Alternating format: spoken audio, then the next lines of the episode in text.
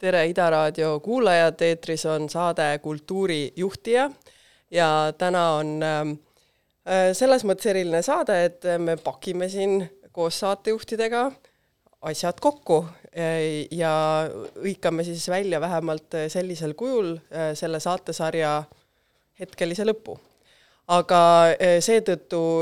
ongi oleme siin äh, Ida Raadio stuudios kõik äh, kolmekesi, nimelt äh, saade Kultuurijuhtija on siis midagi, mis roteerub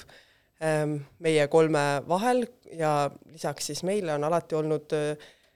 stuudios siin üks suurepärane kultuurijuht, aga täna siis seda kokkuvõtvat ähm, episoodi jagame siis omavahel, nii et mul on hea meel öelda, mina olen Maarin Mürk, tere, ja Evelin Raudsepp. tere ja Laura Toots, tere! tere ka minu poolt! ja äh, tore ja harjumatu on teid siin näha, sest et tavaliselt istub siis meie kõigi vastas keegi äh, keegi teine. aga äh, mäletate, kui me seda üldse tegema hakkasime, see oli nüüd paar aastat tagasi, me oleme teinud, see on meie viieteistkümnes episood, ja tegelikult, kui me üldse hakkasime nendest teemadest rääkima, nii tööõnnest, miks see mhm. kultuuritöö kohati nii mm -hmm. raske tundub, millist juhtimist me tahame, mis teie sellest nagu algimpulsist mäletate? väga huvitav siin sinu selle väljahõikamise, et äh, pakime kokku, tegelikult me ka pakime seda asja nüüd lahti, et me oleme esimest korda üldse selle saate vedamise ajal kolmekesi koos stuudios ja nüüd me siis kaevume sinna minevikku, et kust kõik need äh, impulsid tulid, et üldse hakata vaatama neid erinevaid haardeid, mis meil on sellest kultuurivaldkonna juhtimisest, headest-halbadest kogemustest üldse siis nagu irdunud või kus see omakorda kokku voolas mingiks mingiks äh, nagu küsimuseks jah, et me oleme sellest, äh, mina arvan, puudust tundnud, et see defitsiit, hea juhtimise vitamiini defitsiit, vähemalt minu puhul kannustas väga palju õppima, lugema, kuulama, koolitama ennast ja tegelikult teie kui siis ka nende heade kirjasõprade, hingesugulastega siis hakkama nagu edasi otsima, et mis seal veel on seal kaevikus, jah? ja ma arvan, et, et meie vestlustest tuli ka kindlasti välja see, et, et kultuurivaldkonnas on tavapärane, et saadakse eksperdiks, eksperdist juhiks, et, et ikkagi väga sellised äh, sisulised ja oma valdkonnas äh, väga teadlikud inimesed äh, on tihti olude sunnil, sest et kedagi teist ei ole võtta või, või on kasvanud kuidagi oma positsioonilt välja, olemas natuke, olemaks natukene võib-olla vastutustundlikumad ja vastutusrikkamad ja niisugused eestvedajad kasvanud väljajuhiks, mis, mis on kahjuks äh, tihti äh, selle võrra kehv, et neil puuduvad äh, selli-, nagu juhi baaskompetentsid ja, ja, ja väga sellised do it yourself baasilt nagu kasvanud ka organisatsioonid, et sul on kümme muud asja kõrval, et, et tihti ka ei jõuta ennast koolitada juhiks ka pärast seda nagu eksperdist juhiks saamist. Et jah, võib-olla siis me püüdsimegi äh, või mõtestada seda, kuidas, äh, kuidas need kaks rolli omavahel ähm, üldsegi saavad koos eksisteerida või vastupidi, ei saa eksisteerida ja läbi erinevate ka valdkondade, et kuidas, kuidas see peegeldub. Mhm, ja valdkonniti siis erineb, kui üldse, jah mm? -hmm aga me juba asusime siin teema juurde, aga me ei tutvustanud ennast tegelikult alati asi, mis kipub kuidagi juba jutu osa ära äh,, ära ununema, aga jaa, võib-olla see, et mis on meie kõigi kogemused või mis pinnalt üldse me räägime kes me siis oleme ja kust me tuleme, ma ei tea, Laura, kas sa teed otsa lahti? Äh, no võtakski siis võib-olla siin Eestis töötatud äh kultuurivaldkonna töö kõige võib-olla püsivam ja sellisem nagu päris töö oli Eesti Kunstiakadeemias kahes erinevas osakonnas mul dotsendi ja projektijuhina, fotograafiaosakond ja graafiline disain, siis sinna poolest etapist liitus juurde kõige suurema kunstifestivali Tallinna Fotokuu vedamine koos Kadri Laasiga, Äh, siis omakorda selle vahetasin välja Eesti Kunsti, äh, Eesti äh, Kaasaegse Kunstimuuseumi projektijuhi kuraatori töö vastu ja nüüd siis viimane peatuspaik on siis Tallinna linnavalitsuses kultuuriabilinnapea nõuniku roll. ja päris huvitav on olnud ka nendes erinevates rollides mõnes kohas vedav ja juhtiv, teises kohas jälle kuidagi alluv, kuuletuv või, või siis vähemalt võrdväärne partner, et on andnud üksteisele väga palju peegeldusi ja sama olukorra nagu teisest aspektist nägemist, et selle üle mul on hästi hea meel. Ja mina, Evelin, alustan tagantpoolt ettepoole, et äh, ma olen nüüd äh, aru saanud, et ma olen interdistsiplinaarne inimene, ehk siis ma olen nüüd töötanud äh, viimased kaks aastat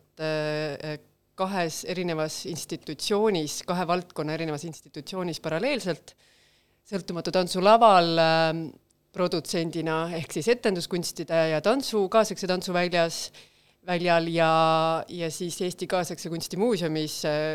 kuraator projektijuhina ehk siis visuaalkunsti valdkonnas ja ja kuigi vahepeal tundus isegi just institutsionaalsel tasemel seda oma koormust äh, hullumeelne jagada, siis mulle tundub, et vast nagu ma ka äh, vajan sedasama paralleelselt, kui, kui ka keeruline see tundub, et äh,, et võib-olla mind ongi äh, nii sisuliselt need valdkonnad huvitavad mind mõlemad ja mõlemal on väga äh, nii omad head ja vead, mida ma selle juures, äh, nende juures armastan, miks ma nendest loobuda ei saa, aga mulle tundubki, et äh, mind väga-väga palju huvitab ka just see, et, et kuidas ähm, sa õpid ühelt valdkonnalt ja võt-, nii-öelda kopeerid või lausa varastad need head äh, küljed üle ja, ja samal ajal ähm, väldid võib-olla vigu, mis sa teises valdkonnas oled teinud, et et just selle kuidagi vahetuse kaudu mulle tundub, et need toimivad. ja mm, võib-olla kui korra natuke veel tagasi minna, et ma ja ka jagasin oma õpingud niimoodi, et, et bakalaureuse astmes ma õppisin teatriteadust ja magistriastmes kunstiteadust, et, et see, et ma olen jõudnud välja interdistsiplinaarse tööni, on kasvanud ka väga palju läbi huvi selle vastu, et et võib-olla jah, need valikud, mis on tehtud nii õpingu kui tööalaselt, nendel on eelnenud ikkagi nagu huvi selle valdkonna sisulise poole vastu, et üks hetk keskkooli lõppedes ma olin väga sõnateatri ja draamateatri fänn, siis ma sain aru, et see ei kõneta mind enam, olin kaasaegse teatri fänn, siis ma sain aru, et okei okay,, sellest jääb ka väheks ja siis ma avastasin, kuivõrd rikas on visuaalkunsti äh, teemad ja keeled. Ja, ja nii see on kuidagi kujunenud. ja mina olen kindlasti ei ole interdistsiplinaar, mina olen distsiplinaar, sihuke mono, monokultuurne äh, nähtus, et äh, et jaa, minu tööelu on kulgenud rööbiti põhiliselt kahes suures Eesti kunstiinstitutsioonis, siis vaheldumisi kas Eesti Kunstiakadeemias või Eesti Kunstimuuseumis erinevatel positsioonidel ja siis selle kõrvalt siis äh, tehes nii-öelda vabakutselise kunstitöötajana erinevaid äh, projekte. Aga võib-olla selles juhtimise teemas äh, on minu kaks viimast töökohta, et ma olin äh, Äh, mõned aastad ähm, Eesti Kunstimuuseumi, siis Kumu kunstimuuseumi äh, hariduskeskuse juhataja, mis andis sellise suurepärase maratoni siis äh, olla sellise tohutus või no ikkagi Eesti mõistes üsnagi tohutus organisatsioonis see keskastme juht, tiimivedaja, selle ümberehitaja, võib-olla sellega mingi kursi pööraja ja pärast seda ja, ja nüüd käesoleval ajal töötan Eesti kunstiakadeemias siis ähm, sellise üksuse nagu üldteooria ainete keskus äh, juhataja ja, ja õppejõuna. ja võib-olla need on need kaks kogemust, mille läbi ma kõige rohkem olen ka seda meie saatesarja teemasid nagu mõtestanud, et äh, võib-olla see olukord, kus me oleme valdkonnas ähm, vabakutseliste kunstitöötajatena, eh, kus me ise saame selle projekti kokku panna ja on väga sellised äh, motiveeritud äh, kaastöötajad, et võib-olla töötades just nagu suurtes institutsioonides, et näiteks Evelin, kui sina oled Estelis olnud või te mõlemad olete EKKM-is olnud, et need on ka ikkagi sellised no, üsna sellised rätsepatöö organisatsioonid, aga kuna mul on tunne, ma olen mingis hakklihamaasinas või trumlis ikkagi kuidagi keerelnud mõnda aega, siis see paneb ka vaatama nendele teemadele kuidagi sellise jõulise uudishimuga otsa, et millist juhtimist ma siis tahan saada, kus, kuidas ma ise juhin ja nii edasi, nii edasi. et äh, jaa, need on siis äh, meie taustad ja tegelikult äh, see saatesari siin tegelikult tekkis väga mõnusalt orgaaniliselt, aga me kõigepealt, ma mainiksin ka niisugune ajaloo huvides ära, et me korraldasime äh, alguseks kõigepealt üldse ühe väikese tööõnne seminari oma kaks tuhat kakskümmend kaks tuhat, jah, just. ja, ja seal üldse see mõiste tööõnn, ma saan aru, et on palju inimesi, palju kolleege, kes seda absoluutselt ei armasta, aga minul ei ole see sõna tõrget tekitanud, vaid pigem ta annab mingi võimaluse rääkida nendest pooltest, mis sul muidu võib-olla kipuvad tööelus kuidagi kaduma jääma ja see tööõnne seminar oli päris tore, meil oli Tiina Saar-Veelma tegi meiega harjutusi seal, siis olid erinevad inimesed jagasid oma tööelu kogemusi, siis meil oli ka juhtimise vestlusring ja sealt kuidagi kasvaski välja, et Ida võttis meid väga lahkelt oma tiiva alla. jaa e, nii et see on siis selle asja taust olnud, need oleme meie olnud ja võib-olla nüüd ongi hetk, kus me teeme ühe muusikalise vahepala, siis me alati oleme pressinud oma külalistelt välja, võtke midagi ja, kaasa ja, ja. ja nüüd me proovime siia kolm lugu, me tavaliselt kunagi ei mahuta kolme, alati me oleme kaks mahutanud, aga täna proovime kolm mahutada ja esimene on minu valik, see on äh, üks selline popp-hitt, et kui ma mõtlen ka, et kuidas mind ähm, äh, käima tõmmatakse kuidagi tööelu, elulises mõttes, siis äh, tihtipeale selline võib-olla muusika, mida ma igapäevaselt ei kuula, aga et, et on hea käivitaja ja tantsukas ja nüüd.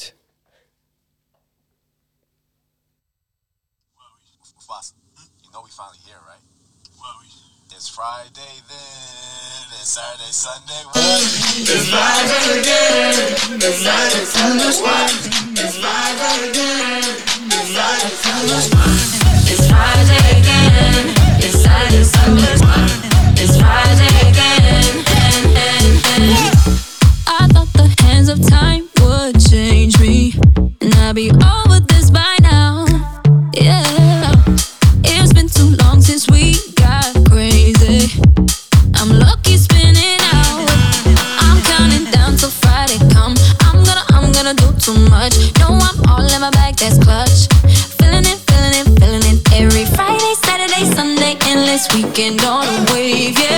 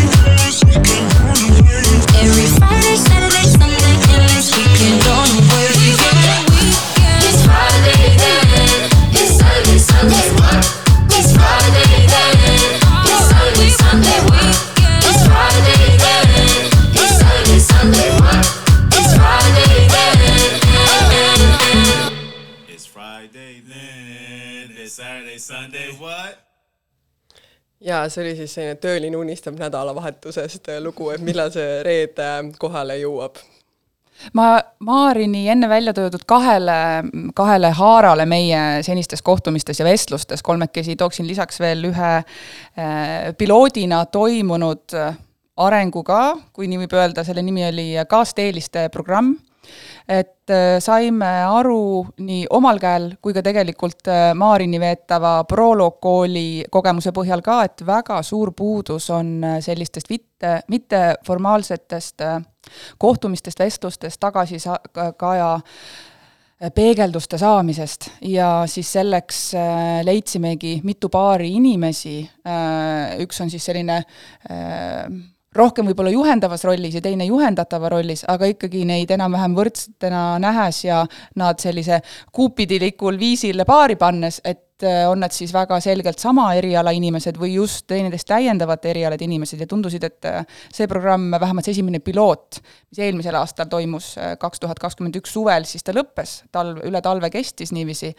Mis see tihedus oli meil, kord kuus kohtumised endast. ise tegelikult reguleerisid, et mõned said ka vist tihedamini kokku. jah, et see oli väga selline free range programm, et meie lihtsalt mõtlesime välja, et te näete nii vägevad inimesed, palun äh, suhelge ja olge koos ja rääkige ja peegeldage ja tegelikult selline äh, sõbralik soovitus ja pisut nügimist tegelikult väga hästi töötas. ja mulle tundub, et Maarin oma teises Prolog kooli hooajas ka, mis siit on, et noh, Maarini poolt veetavana ja paralleelselt liikunud, ikkagi järjest-järjest tõdeb sedasama puudust mitteformaalsetest vestlustest. ma arvan, me teiega peaksime seda kaasteeliste programmi äh, jätkama ja edasi arendama, sest et äh, me just enne siin eetriväliselt ka rääkisime, et tegelikult ka meie kokkusaamised ongi olnud sellised nagu temaatilised, et me vendime oma tööelu teemad, et see on olnud väga meeldiv selline tugigrupp tegelikult, kultuuri mm, -hmm. niisugune kunsti- ja kultuuritöö tugigrupp mm, -hmm. et, äh, et kus sa siis äh,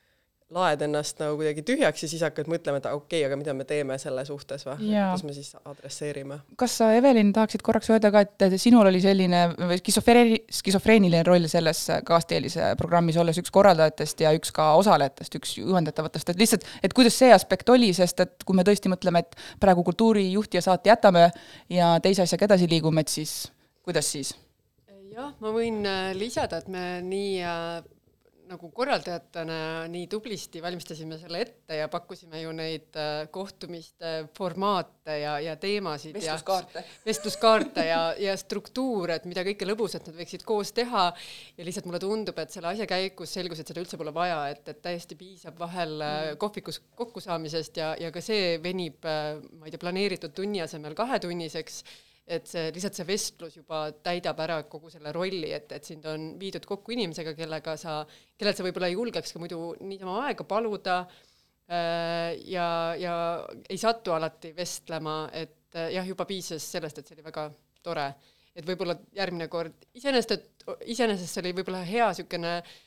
icebreaker nagu koos neid äh, vest-, neid antud ülesandeid või antud formaate läbi käia ja, ja, ja, ja naerda selle üle ja siis me saime aru, et et okei okay,, et me võime ju seda proovida, aga meil kuidagi hakkas selle nagu ainult neist fantaseerides juba jooksma mm. jutt. mul on jäänud ka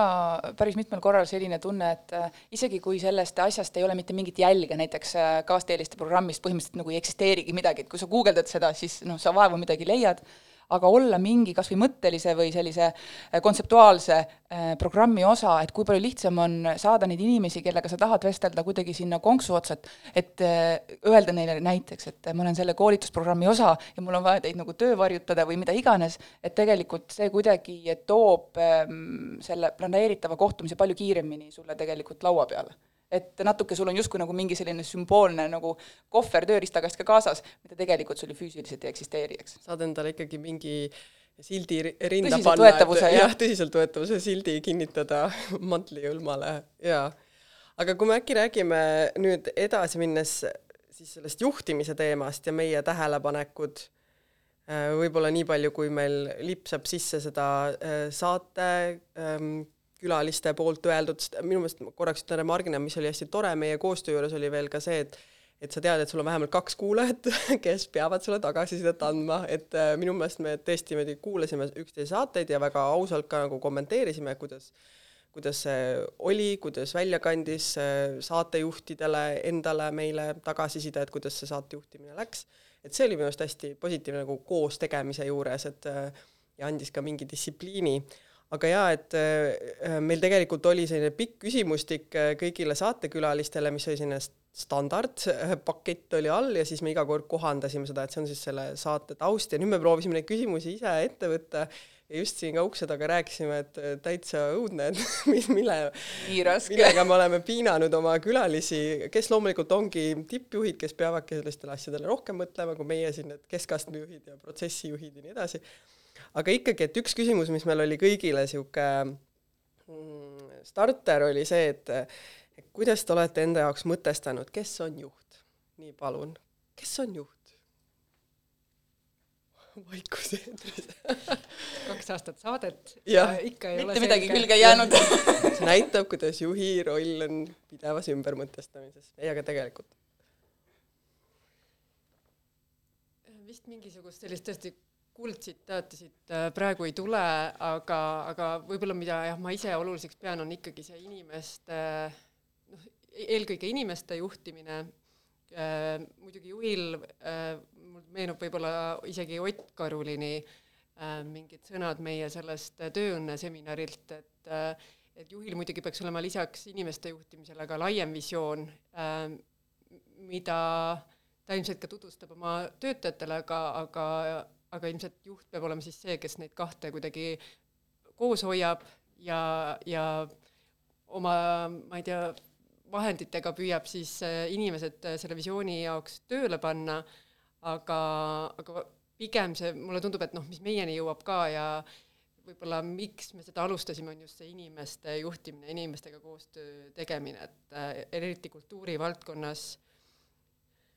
kus, kus tihti lisaks tööl käimisele on su töökoht ka sinu eneseteostus ja, ja sellega kaasneb väga palju plusse, aga ka miinuseid äh, läbipõlemise osas ja, ja töö laialivalguvuse osas. et äh, jah, ilmselt juhil peaks olema lisaks sellele eneseteostusele, sisulisele ekspertiisile kultuurivaldkonnas ka äh, tööriistad, et äh,, et äh, struktureerida ja koordineerida seda tööd natukene selgemalt, kui nagu ülepulbitsev kultuur seal sees mm -hmm. ja ümber on. mina ka sekundeerin siia, see inimeste komponent on äh, minu seniste töökogemuste põhjal ka muutunud noh, tagasi vaadates väga-väga oluliseks, et ma arvan, just selle äh, sotsiaalse oskuse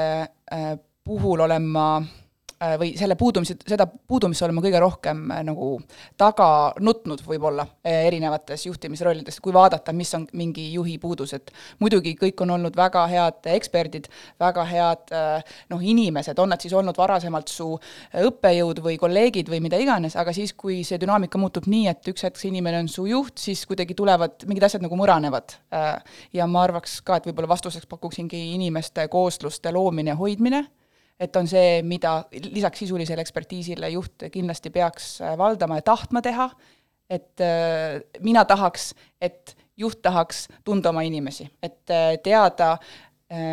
mitte võib-olla nii palju kodusest elust tingimata, aga et mis on see inimese taust, et mille tõttu ta selliseid või selliseid otsuseid teeb. et mida ta väärtustab ja kuidas see siis tööle edasi kandub mina ikkagi rõhutaksin seda visiooni poolt ka, et keegi, kellel on see suurem pilt ja, ja mõnes mõttes ka äh, mitte lihtsalt suurem pilt umbes, et mis siin toimub ja mida teevad sarnased institutsioonid mujal ja nii edasi, aga et, et just ka visioon mingis sellises nagu ambitsiooni ja, ja julguse ja, ja tõesti suurelt mõtlemise mõttes, et keegi nagu näeks kaugemale nendest pidevatest tulekahju kustutamistest ja sellisest igapäevasest rallist, mida see kultuurikorraldus tänu oma erinevatele plussidele ja miinustele kogu aeg äh, endast kujutab, aga jah, et keegi, kellel oleks kuidagi selline hammas verel või, et ta tahaks teha midagi suurt, midagi vägevat, mitte lihtsalt selline, et juhi positsioon on nagu loorberid, millele sind asetatakse puhkama peale suurepärast spetsialisti tööd umbes. aga jah, et ma enda jaoks kirjutasin ka üles see inimeste kokkuliimimine, et just, et need spetsialistid saavadki olla eri äh, tüüpi kõik erinevate kiiksudega, erinevate tugevuste, erinevate nõrkustega, et aga et sa tõesti seal kuidagi hegeldad selle meeskonna kokku ja ma panin endale ka kirja sellise märksõna nagu õigusemõistja, mis on võib-olla natukene liiga imelik või autoritaarne niisugune sõna, aga et ma tegelikult tõesti ootan, et ta äh, võib-olla vaataks distantsilt ka just neid inimestevahelisi dünaamikaid ja mul on olnud ka kogemus, kus juht noh, nii-öelda piltlikult sööb popkorni, kui keegi kellelegi nagu sisse sõidab umbes mm -hmm. ja, ja noh, ilmselgelt lihtsalt keerutab mingit intriigi üles ja tollel hetkel ähm, juht jättis sellele reageerimata ja tõesti noh, kuidagi nagu äh, ei teinud seda õigust ja see on minu jaoks üks valusamaid äh, kogemusi ikkagi, et niisugune nagu bullying töökohal, et, et tema peaks olema see mõnes mõttes see nagu jah, suutma sealt distantsilt äh, näha ikkagi ka kõige oma lemmikumaid no, nende ma ei tea, meie valdkonnas ikkagi ka levinud, ma ei tea, tujude ja teatava sellise, et arvatakse, et endale saab väga palju lubada, tegelikult äh, minu arust juht peaks seal nagu, temal on see roll, et astuda vahele ja öelda, et kuule, et come on ei aga äkki see julgus, mida sa enne mainisid, see ongi see katustermin, mis kehtib siis nende konkreetsete otsuste nagu inimsuhete nagu toetamise või klaarimise, visiooni rakendamise, nagu üldse organisatsiooni ehitamise puhul sellised ebapopulaarsest, populaarsete otsuste tegemise julgus ka, et mulle tundub see ka on asi, mis on mulle endale kõrva hakanud ja võib-olla just sellepärast, et et ei ole võib-olla piisavalt palju julgust olnud ja imetlen neid, kes teevad selliseid radikaalsemaid või mingeid hästi nagu äärmuslikke otsuseid ja kui see viib äh, tulemuseni, kui ka mitte, siis nad vähemalt saavad teada, et see eksperiment nagu tähendas midagi muud hoopis nagu vastassuunalist. ja võib-olla ma veel lisan ka siia, et ma olen nõus selle õigusemõistmise äh, osas, et äh, on ka minul neid hetki ja võib-olla ütleme ka alluvana või töötajana ma tõesti nagu naudin ka seda, kui ma saan juhile mitte nii-öelda taga rääkida, aga tunda muret, et kui näiteks mingi asi äh, teise kolleegiga ei suju nii hästi või tööülesanded on kuidagi äh, paigast ära, et siis, äh, et ma saan seda kuidagi juhile nii-öelda südant puistada ja tema tuleb ja korraldab selle ära, et, et mulle tundub, et siis suhted tegelikult säilivad tervetena, tervematena nagu sees, organisatsiooni sees ka, kui on keegi autoriteet, kes ja kellel on loodetavasti selleks ka head vahendid, et kuidas selliseid asju lahendada. võib-olla ma lisaks ka veel siia, et, et ma olen nõus, et see visiooni osa on sama tähtis ja mulle tundub, et kultuurivaldkonnas on, millest ma olen järjest rohkem aru saanud, et juht peab paratamatult tegema ka meie valdkonnas tihti poliitikat et, et võib-olla on ka see, mida ma tegelikult äh, nagu, miks ma ise võib-olla sinna ei pürgi ja ma naudin, me oleme ka sellest ka rääkinud, seda keskastme juhiks äh, olemise Äh, olemises, äh, sest, ma ootan tõesti, et, et meie valdkonnas juht äh, teeks poliitikat, et, et ta to-, viiks selle, ma ei tea, nii meie sisulised sõnumid kui organisatsiooni sõnumid laiemale väljale, nõuaks rohkem raha, paremaid töötingimusi ja nii edasi, et mulle tundub, et see on meie kultuurivaldkonnas väga oluline juhi tööülesanne mm. -hmm. aga samas see keskastme juht on ka väga raske olla, et sa oled täpselt seal selle kahe äh, kahe tule vahel. kahe tule vahel täpselt, et kuidas sa pehmendad äh, ja minu meelest seda on väga palju töös, et sa tõlgid kogu aeg neid äh, äh, sõnumeid vastavalt siis sellele, kus sa, kuhu poole sa näoga praegu pead parasjagu vaatama, et ja ma mäletan, et mingi hetk, kui ma olin Kumus just, siis miks ma seal oli päris suur see haridusosakond, aga mis mind lõpuks, miks mulle tundus, et ma ei jaksa selle sellisel tasandil keskastme juhi tööga ka jätkata, et mis on nagu juhi roll minu jaoks, on see, et et äh, sa, äh, mina ise väga hästi ei talu ja ma ei ole ise ka selline juht olnud, kes tegeleks mikromanageerimisega, et tõesti, et lepitakse kokku punktid, kuhu jõuda enam-vähem ja, ja siis mingi ajavahemik, mis hetkeks, aga et see igapäevane äh, nagu tegemine jääb sinu enda otsustada ja enda üles ehitada ja ma arvan, kultuuriväljal paljud ongi väga head ka enesejuhtimise spetsialistid, et kuidas sa sinna täpselt jõuad ja nii edasi aga et siis mulle tunduski mingil hetkel, et tiim kõik töötas, mul olid nii head inimesed tööle võetud, kõik nagu sujus, kõigil olid häid ideid, aga siis juhi poole pöörduti alati siis, kui äh, oli mingi jama ja ma lihtsalt väsisin ära sellest, et, et sa mõnes mõttes tegeled ainult mingite jamadega, et, et see kuidagi on mingi koht, mis, mida ma ei olegi enda jaoks nagu läbi hammustanud, et,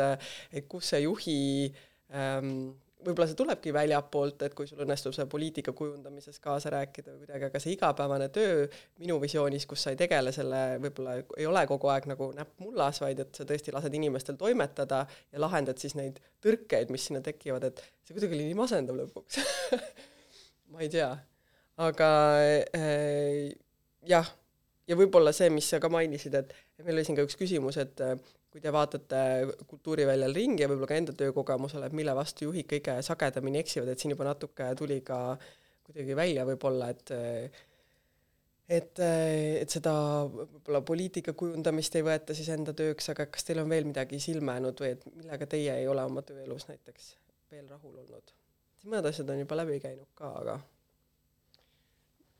no võib-olla see on juba selline kulunud vastus, aga mulle tundub, et äh, hästi palju äh, probleeme ja konflikte tekib äh, sisekommunikatsioonist ikkagi tihti äh, ja kõigi kuidagi kursis äh,, kurssi viimist, kursis hoidmist oma töödega, sest noh, tihti vald-, meie valdkonnas ka, või vähemalt minu töö on väga projektipõhine paratamatult. Ja, ja see tekitab natukene töös ka killustumist või sellist ühelt poolt nagu hajumist ja teiselt poolt nagu kuidagi tükeldab ta, eks ju, ära, et et see, et kuidagi me oleksime jah, ühel tasandil ja teaksime kõigest ja kõigist ja oma nagu rollist, et siis ilmselt ähm, jah, vead või, või mured tekivad siis, kui keegi kuskilt poolt midagi kuulnud, jäi mingist meilist ilma ja nii edasi, et ilmselt see on ka suur äh, energia ja aeg, mis juhil läheb äh, oma töös äh, selle kurssi hoidmiseks, oma töötajate kurssi hoidmiseks, aga ma arvan, et see on ülivajalik ka. Üks asi võib-olla veel on mingid äh, üldpraktilised äh, kokkulepped, et jah, et me teame no väga paljudes kohtades, mis kell algab tööpäev ja millal see lõpeb, on ju, aga ka kuidagi laiemalt äh, omavahelise nagu suhtluse põhimõtted, näiteks et kõik küsimused on teretulnud ja nii edasi, mingid sellised eh, nagu elementaarsed viisakusreeglid, aga neid eh, täiskasvanu üle korrata tundub võib-olla nagu kentsakas ja äkki sellepärast jäetakse tegemata, et sisse tulles me tervitame ja nii edasi, aga mulle tundub ka näiteks see põhimõte, et koosolekutel ongi ajaline piir. et tegelikult sa pead sellest kinni, et ei jää rääkima üle mingist kestusest. Ja praegu ma esimest korda elus näen oma Äh, Tallinna linnavalitsuse töös, kuidas nagu kella pealt koosolekud lõpevad, sest et aeg on nagu nii väärtuslik, panused on nii suured, nii palju on vaja teha, et äh, et see on nagu kord ja kohus ja see on hästi nagu distsiplineerinud, kuigi raske on sellega olnud harjuda, aga et, et mulle tundub, et tegelikult siin ei ole mingit põhjust, miks ei või ka teistes keskkondades, et kui on antud rääkimiseks viis minutit, et siis ei räägi ikkagi viisteist ja, ja siis, et noh, et lennuk ju läheb ära, isegi kui sul on pilet, lennuk ei jää ju sind ootama sinna lennujaama, et aa, et noh, küll ta jõuab ükskord, et, et noh, tegelikult mingid sellised äh, viisakused laiemas mõttes ka saab olla nagu juhi poolt selles mõttes ellu kutsutud, aga kõigi poolt ühiselt kokku lepitud. võib-olla see, mida tehakse hariduse kontekstis järjest rohkem, et selline nagu turvalise ruumi kokkuleppimine alguses, et kui see levib rohkem nagu jah, teistesse kontekstidesse ka, et tõesti, nagu sa ütled, et täiskasvanuna ja täiskasvanutele tundub nagu imelik öelda umbes, et noh, et lühidalt palun, aga jah see läheb suht ruttu lappama, mina veel mõtlesin sellise asja peale ikkagi see eh, spetsialisti taust või, et äh, alguses ka siin oli juba juttu, et just nagu spetsialistist tulevad need juhid, keda siis nii-öelda altpoolt ülespoole tihtipeale äh, edutatakse, aga äh, minul on tunne, et eh, tihtipeale spetsialist ei pane nagu seda oma spetsialisti töökohvrit käest ära ja, ja muudkui kütab ka seda poolt kuidagi edasi teha ja, ja see on minu meelest, mis on hästi omane kultuuriinstitutsioonidel, vähemalt kunstiväljal, aga et, et sa ikka tahad selle suure näituse ise veel teha ja, ja võib-olla veel mõne projekti ka vedada võtta ja, ja mõnes mõttes ma saan sellest väga hästi äh, ka enda kogemuse pealt aru, et äh, tõesti, kui sinu juures käiakse ka ainult muredega, eks ju, et siis sa tahad midagi hingele ka, aga teiselt poolt äh, aeg, et tegelikult juhtimine on eraldi äh,, eraldi kompetents, eraldi väärtus, eraldi töökoht äh,, eraldi amet, et äh, minu meelest oleks nagu okei okay rääkida sellest rohkem, et jah, sa ohverdadki oma kuraatori, uurija tegevuse näiteks järgmiseks viieks aastaks või midagi sellist, et minu meelest see nagu äh, mitme tooli vahel olemine, et me oleme ikkagi ju ainult üks inimene ja limiteeritud tundidega ööpäevas, et ma ei näe nagu väga palju väga häid näiteid, et võib-olla seda saaks lihtsalt harvemini teha, kui praegu nagu kuidagi tundub, et niisugune vaikimisi kokkulepe on, et sa rabad nagu seda kahte töökohta siis täie rauaga edasi teha. et mina tahaks näha, et juhid võtavad endale sellest spetsialisti tööst nagu väikese pausi selleks hetkeks, vähemalt ma ei tea, paariks aastaks, et mitte iga aasta mõnda näitust teha. ja aga ma ei tea, kas kuulame siia vahele äkki. Ja. ja hea meelega, paneme siis äh, järgmiseks äh, minu toodud äh, loo ja valisin siis selle Courtney Barnetti ja Kurt Wile'i loo Continental Breakfast sellepärast, et et mulle tundub, üks olulisi asju ka veel. Kultuuris on olla rahvusvaheline ja hoida sidemeid väga paljude teiste kontinentide ja kolleegidega ja siin ongi siis need kaks laulu esitajad, need muusikud siis äh, seal muusikavideos väga armsasti siis helistavad teineteisele, üks Austraaliast, teine siis Ameerikast, ja, ja loovad koos seda lugu, aga mulle tundus, see on väga selline sidus ka meie kolme ja kultuuri juhti ja saate puhul selline üksteisega nagu järjepidevalt nagu sisse tšekkimine ja küsimine, kuidas sul siis läheb, et sööme koos siis seda audio hommikusööki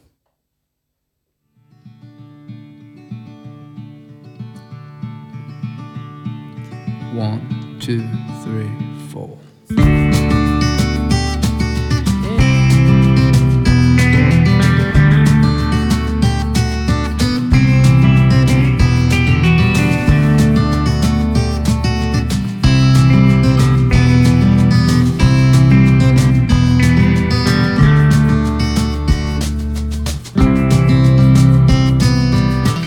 believe what I could have told you. But I don't believe I've the balls to let you know. I can say that cause I'm a man. But I feel like a little boy today. I cherish my intercontinental friendships. We talk it over continental breakfast in a hotel in East Bomble, wherever.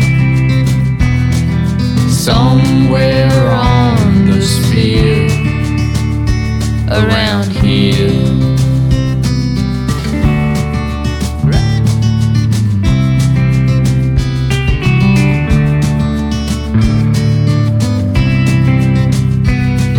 I cherish my intercontinental friendships. Not much very big on enemies. So I kick a can way up into the sun, man. But it falls down into a ravine. I don't mean to even think about it that way, but I do. Watching the waves come in at night From my back porch to porch swing swinging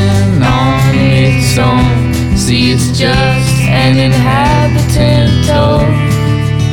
Some Holy Ghost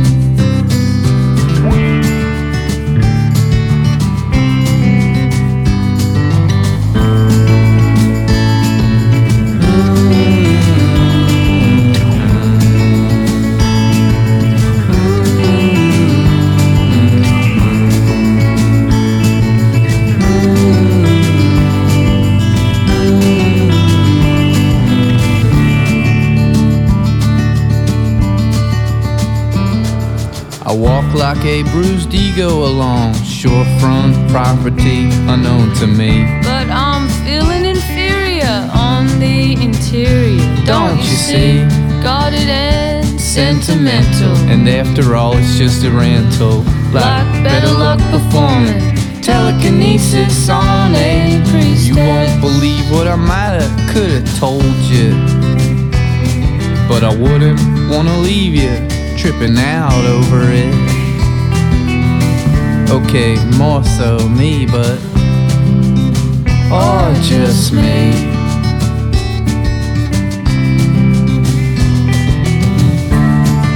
Watching the waves come in at night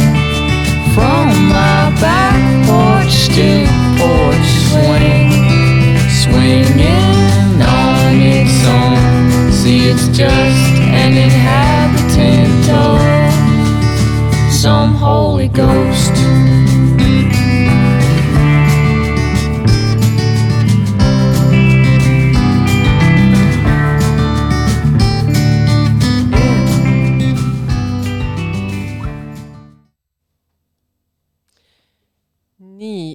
kui siit äh, hommikusöögi äh, juurest edasi minna või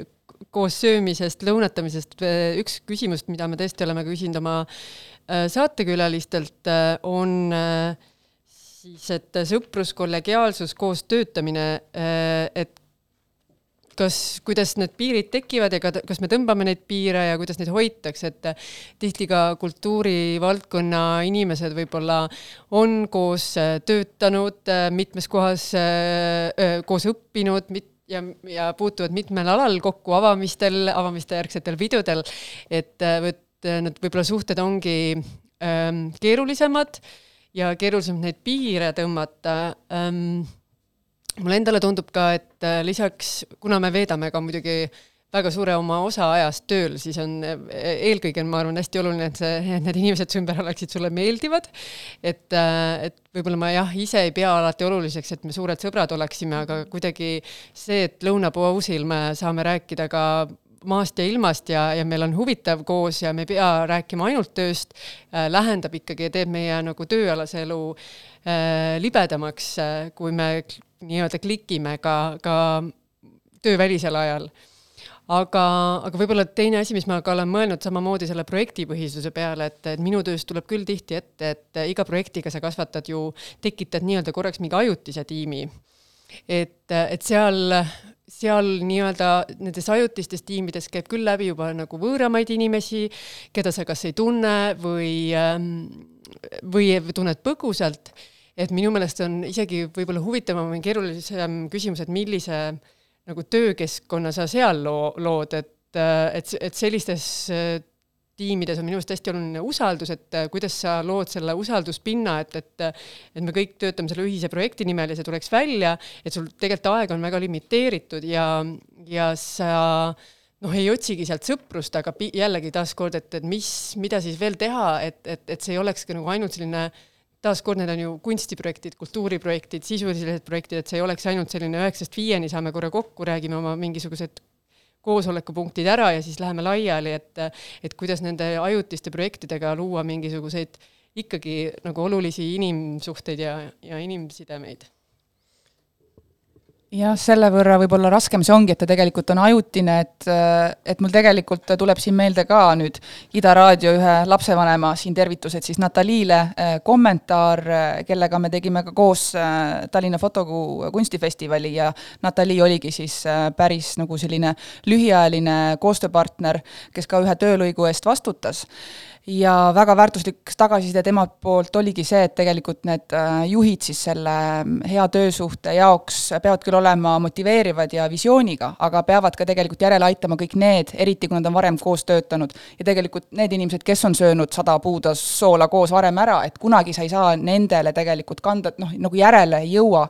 aga et toona see viga, mida mina siis selle festivali vedajana tegin, et oligi ammu ees ära pannud juba kappama ja siis tegelikult ülejäänud tiim siis ma ei tea, noh, lohises järel või, või noh, nagu noh, noh, ei tulnud lihtsalt pähe nii palju teha neid pikapäevarühmasid, kui tegelikult oleks võinud. Ja ja see on võib-olla nagu väga, väga hea õppetund edaspidiseks. aga, ja siis olen nõus ka sellega, et tegelikult tema ju liitumine tiimi oligi see, et meil oli see sõprussuhe all, ma teadsin, milleks ta võimeline on ja oli kohe lihtne kutsuda ilma teadet töövestlust tegemata, CV-d analüüsimata ja oligi nagu lihtsalt krapsti inimene külge poogitud enda sellele puukesele aga see on ju huvitav, et mis sa sellest kappamisest äh, rääkisid või sellest näitest, et üks asi, mis mulle kuskilt loetuna on meelde jäänud, et see spetsialistist äh, juhiks üks äh, raskuseid ongi just nimelt see, et äh, et spetsialist on väga motiveeritud, väga suurte kogemustega, väga hea enesejuhtija, aga tal ei ole väga palju kuidagi äh, jaksu nõrgemate jaoks, et kes seal kuidagi ei saa kohe pihta, ei tule kohe järele, ei ole kohe samal lainel, kohe ei ole valmis kappama pistma. täpselt, ja ma arvan, et nüüd, nüüd, kui sa selle niiviisi sõnastad, ma saan aru ka, miks mulle vähemalt sellel perioodil elus ei sobinud Eesti Kunstiakadeemias õpetamise jätkamine, et mul endal olid need abc-d juba igavad, et ma tahtsin hakata kohe tööle. ja mul olid võluvamad toona need tudengid, kes olid, ma ei tea, bioloogia, semiootika taustaga, kes olid ka selles mõttes juba mingi eh, hariduse saanud, äh, karjääri teinud, et äh, nemad toitsid mind ja õpetasid mind. et tegelikult, äh, et mulle tundubki, et võib-olla see on mind päris mõned aastad kirjeldanud, seesama nagu suhtumine, jah. jaa, aga ma mõtlesin nendest piiridest, et, et ma kirjutasin endale see kommentaariks, et äh, piirid on. Et see kuidagi nii kus, millised? ja tavaliselt need lähevad siin kuskil kella kuue ajal. Hakkavad need piirid paistma ja siis muutuvad järjest tugevamaks. Mm., et et kuidagi minu jaoks on küll oluline mitte kogu aeg veeta nende meeldivate inimestega, sest ikkagi sa äh, jah, sa vahepeal räägid nagu muudest asjadest ja ongi, inimesed on kohutavalt huvitavad, laia silmaringiga ja nii edasi, aga et eh, ikka lipsab seda tööjuttu sinna vahele, et minu meelest eh, sellised kolleegsõbrad, et, eh, et see on, see on väga selline ohtlik mikstuur tegelikult. Ja et ikkagi tahaks veeta ka aega teiste inimestega, kellega sa räägidki hoopis mingeid täiesti, sina ise oled ka mingi teine inimene, aga mina tunnen küll, et see kultuuritöö nagu kipub kuidagi äh, üle ääre valguma, et see on see tainas, mis muudkui kasvab ja kasvab, eks ole, ja kui sa ise kuidagi väga jõuliselt ei reageeri ja väga otsustuskindlalt ja distsiplineeritult, et siis sa võidki lihtsalt nagu mingis sellises tsentrifuugis tiirelda, kus on kohutavalt tore, aga mingi hetk sa oled, no mina tunnen ennast ka tihti lõksus või mm. -hmm. ja, ja samas on see, kui sa tõmbad neid piire ja ei käi nendel üritustel ja, ja kuidagi ei käi avamistel ja kuidagi ei ringle sellel skeenel, et siis teiselt poolt muidugi see on totaalne FOMO, et, et see on ikkagi oluline komponent sellisest äh, kapitalist, et äh, mind ei ole kuskil näha ja ja kiiresti infot ei saa vahetatud ja nii edasi, nii edasi, ühesõnaga see on päris äh, huvitav mingi balanss, mida enda sees timmida, aga ongi kuidagi, et on mõned inimesed, kellega on tore koos töötada ja siis vahepeal sa vahetad mingeid killukesi eraelust või noh, enam-vähem oled kursid, kus keegi parasjagu ujub, aga et et siis on, ma arvan, meil on ka juba, see hakkab varsti nagu nii, nii toredaks muutuma, eks ju, et see ei ole enam nagu puhas kes ma siis sulle olen, kolleeg no, või sõber nüüd? no vot just, ja siis tulevad meelde need perverssed ingliskeelsed terminid nagu froliiks ja, ja mida, mida on nagu välja mõeldud selliste kummaliste olukordade kehtestamiseks. aga jah, et ega ei peagi defineerima, et lihtsalt põhiline, et oleks nagu tore. aga jah, minu meelest on ka hea, et meie kohtumised on, et nad on hästi nagu toredad ja emotsionaalsed ja kuidagi toitvad, aga nad on ka väga piiritletud, et ei ole niimoodi, et me koosolekul on aeg, algus ja lõpp, on ju. jaa, et keegi, kõik jälle tormavad edasi, et see on minu meelest äh, väärtus, jaa mul tuli ka meelde äh,, Maarin, üks sinu see sõnastatud põhimõte, et tegelikult teadlikult äh, hoida neid sõpru ka, kes on kultuurivaldkonnast väljaspool ja mulle tuleb endal ka meelde üks äh, hästi äh, vägev rahvusvahelise projekti avamine Tallinna kunstihoones aastaid-aastaid tagasi ja kõik olid nii õide löönud. ja mulle kuidagi tundus, et sellel hetkel nagu üldse ei sobinud see mingi nagu edevus, mis noh, niiviisi äh, hästi laias äh, tähenduses kunstnikega nagu juhtus. helistasin hambaarstist sõbrale ja tõmbasime kuskile mere äärde ja no pidin temaga rääkima kõigest muust kui sellest, et et selle teose kontseptuaalsest sügavusest ja ma ei tea millest, on ju, et mulle noh, tegelikult on see ka väga oluline, aga ma olen selles hästi nõrk, et hoida neid teisi vanu klassikaaslasi ikkagi enda ümber tiirutamas. aga siis selle võrra, ma arvan jälle, täiskasvanuna on väga ilus võõrastes keskkondades jälle sõprussidemeid luua, et mulle tundub jälle, et ma lähen koju ja justkui tahaks nagu noh, tead, emmele öelda, et ma sain täna sõbra. Et kui, kui see juhtub, no see on nii ilus, et noh, sädemeid pillub niiviisi. äkki räägime siia eh, sellisest märksõnast, millega me oleme ka piinanud kõiki oma külalisi, selle nimi on pidulikult isiklik tööhügieen. milline on teie isiklik tööhügieen? Või kuidas te selle eluga siis kuidagi žonglöörite nende erinevate poolte vahel, kas teil on kellast kellani kas te tahaksite, et teil oleks kellast kellani? Laural vist on nüüd rohkem kellast kellani. no on jaa rohkem, et nii, nagu sa ütlesid ka, Maarin, et see piir nagu paistab. noh, selles mõttes, et ei, ei ole nii, et läheb, maja läheb lukku, inimesed peavad olema selleks hetkeks tingimata väljas, kuigi mingi selline kellaaeg on ka kuskil, aga ähm, mulle tundub see üle tüki aja äh, jälle väga motiveeriv vahend, et äh, iseennast struktureerida teistmoodi. Äh,, et ongi, olles olnud just nagu hiljuti veel Evelini kolleeg äh, EKKM-is, kus noh, võis ainult aimata, noh, et millal tööpäev algab. Yes, aga et, et ükskõik kust liikudes äh, sellisesse hästi nagu suurde ja pikal ajal töötanud, võib-olla ka üsna nagu äh, hierarhilisse süsteemi nagu ühe kohaliku omavalitsuse nagu majapidamine on, eks, et aga EKKM-ist tulles ma arvan, see lõhe oli veel kõvasti suurem. Ja, ja mulle praegu see tegelikult meeldib, et praeguses eluetapis see väga hästi sobib, et siis on õhtune vöönd ja nädalavahetus ja sinna, kuigi ma ikkagi teen seda viga, et ma planeerin mingeid tööampse, tegelikult ma ei jõuagi, et mul on vaja nagu kõike muud, pere ja sõbrad ja koduremondi need lõppnähud veel, mis seal on, nagu riburadamisi veel vaja lahendada, et nii palju on tegelikult muid asju. jah, ma olen natuke nõus, et ma küll ei pea sellist kellast kellani tööpäeva, ei pea vaid et, aga see kujuneb ikkagi äh, sinna kanti, et, et hommikul alustad ja varaõhtul lõpetad ja hilisööl enam väga ei tee. mul ei ole väga probleem hilisööl veel vastata mingitele küsimustele või meilidele, mis vajavad lihtsat vastust, et, et ma ei tunne, et see mind koormaks aga et ma olen võib-olla mõned aastad tagasi küll olnud üsna lähedal läbipõlemisele, seda ei juhtunud õnneks, aga alates sellest ma ikkagi pean vist ütleme niimoodi täis, täismahus nädalavahetusi, et et kuni sinnamaani ma võisin veel nädalavahetusest pool päeva äh, või kasvõi terve päeva võtta mingi asja jaoks, et nüüd ma lihtsalt kuidagi mul, et kuigi ma ka aeg-ajalt veel endiselt mõnikord planeerin kasvõi paar tundi, siis need tavaliselt tõesti lagunevad äh, need plaanid ära, et ma olen nõus. et äh, see hoiab jah, tervena ja magamine on ka vist oluline. minul oli eelmise aasta avastus see, et ma tegelikult öö, peale õhtusööki proovin meili mitte vaadata. see on, tõesti, kõlab nagu mingi anonüümne alkohoolik, kes tunnistab üles, et iga kord, kui ma seda kolleegidele ütlen, et ma noh, tõesti proovin mitte arvutit lahti teha ja isegi mitte telefonis tšekkida, et siis äh, see on kuidagi selline väga äh, kuidagi kummaline mikstuur äh,, mis äh,, mis sa reaktsioonina vastu saad, et ühelt poolt, et oi, kuidas sa oled nii tubli ja teiselt poolt, mina küll ei suudaks, et noh, et umbes, et sul ongi niisugune töö, et äh, sul ei olegi sellist äh, noh, et aga mina ei saaks seda endale lubada, umbes sellist luksust. nii ja naa, ma arvan, et see on ikkagi äh, selle üle ära ajava taigna ohjeldamine ongi paraku ikkagi sinu enda kätes ainult, sest ainult sina näed seda lõputut puslet, mis sul nendest tükkidest kõigest kokku tuleb, aga jaa, ühesõnaga ma avastasin, et et tõesti isegi lihtsalt meili vaatamine, et ma ikkagi hakkan kerima ja ma ei, kuidagi kuskil see jääb mind kummitama ja nii edasi, et et ma ei suuda nagu ennast välja lülitada, et lihtsam on lihtsalt tõmmata nagu kriips alla ja vaatan siis hommikul või midagi, et kuigi õnneks mul tõesti ei ole ka niisugune töökoht, kus kuskil midagi võib põlema minna ja sulle võetakse kõne, et et inimesed on kuskil ukse taga ja ei saa sisse või midagi sellist, et et jah aga muidu see äh, tööelu on ikkagi selline, ma ei tea, mul on tunne, et ilma Google kalendri ja, ja märkmikuta ma oleks nagu ilma ajuta või et ma olen kuidagi nii delegeerinud oma sellise äh, jooksva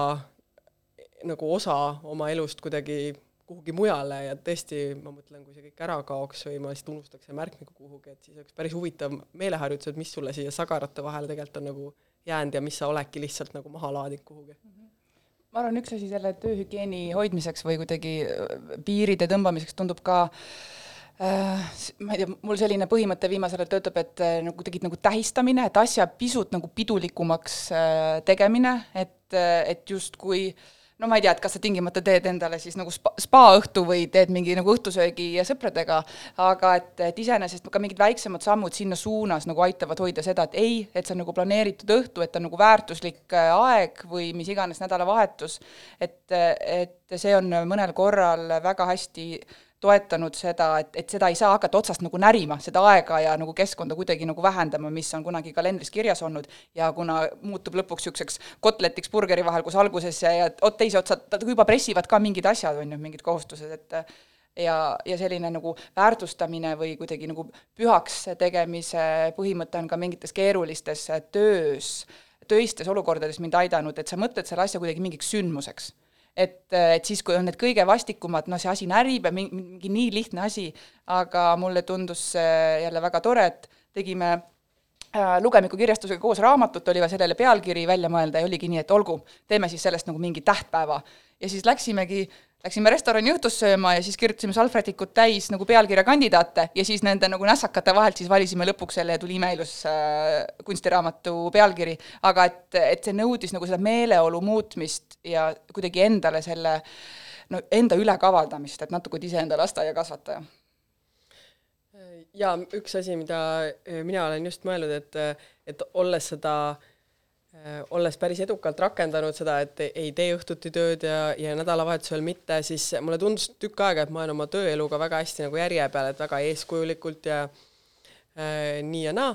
aga äh, mingi hetk kuidagi, kui ma hakkasin mõtlema nende igapäevaelu toimetuste peale, mida õhtuks süüa teha, mida äh, ma ei tea, kuidas seda igapäevaelu korraldada, siis äh, selleks nagu kunagi ei olnud ajus ruumi ja nüüd minu viimane eurek on see, et järelikult ikkagi on liiga palju tööd et isegi kui ta on ajaliselt piiratud, mulle lihtsalt tuleb meelde üks äh, kunagi kuskilt äh, loetud remark selle kohta, et, et läbipõlemine võib tegelikult, et see ei ole alati midagi sellist suurt nähtavat ja dramaatilist, et, et läbipõlemine on ka see, kui sul on kaks kuud äh, postipakk toanurgas, mille postkontorisse viimine on tegelikult viisteist minutit, aga sa ei suuda seda teha, sest see on nagu too much. ja selles võtmes hakata vaatama, et mis minu jaoks on nagu too much, et sealt hakata tagasi minema, et kui palju nagu ajus on ruumi vaja mingite noh, minu arust täpselt see igapäevane söömine on, see ajab hauda täiesti. issand, ma olen siis ka nagu salamisi läbi põdenud äh, mitmel korral. ja, ja ilma nähtudeta võib-olla. just, ongi, et see on niisugune asümptomaatiline ja. läbipõlemine, et aga et just, et äh, need igapäevaelu haldamine, kas sa jaksad selle nagu ära hallata?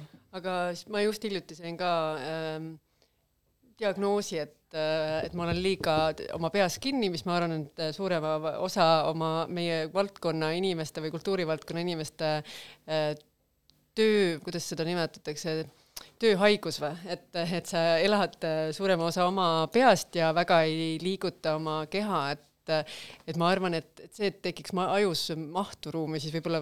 ongi minu jaoks ka hästi, ikka hästi oluline on liigutamine, looduses käimine, aga mm -hmm. nüüd ma mhm. just sain hiljuti ka nii-öelda prescription'i või, et tantsima peab ka, et siis hommikul tantsima, õhtul tantsima, et me peame nagu kultuurivaldkonnas ennast äh,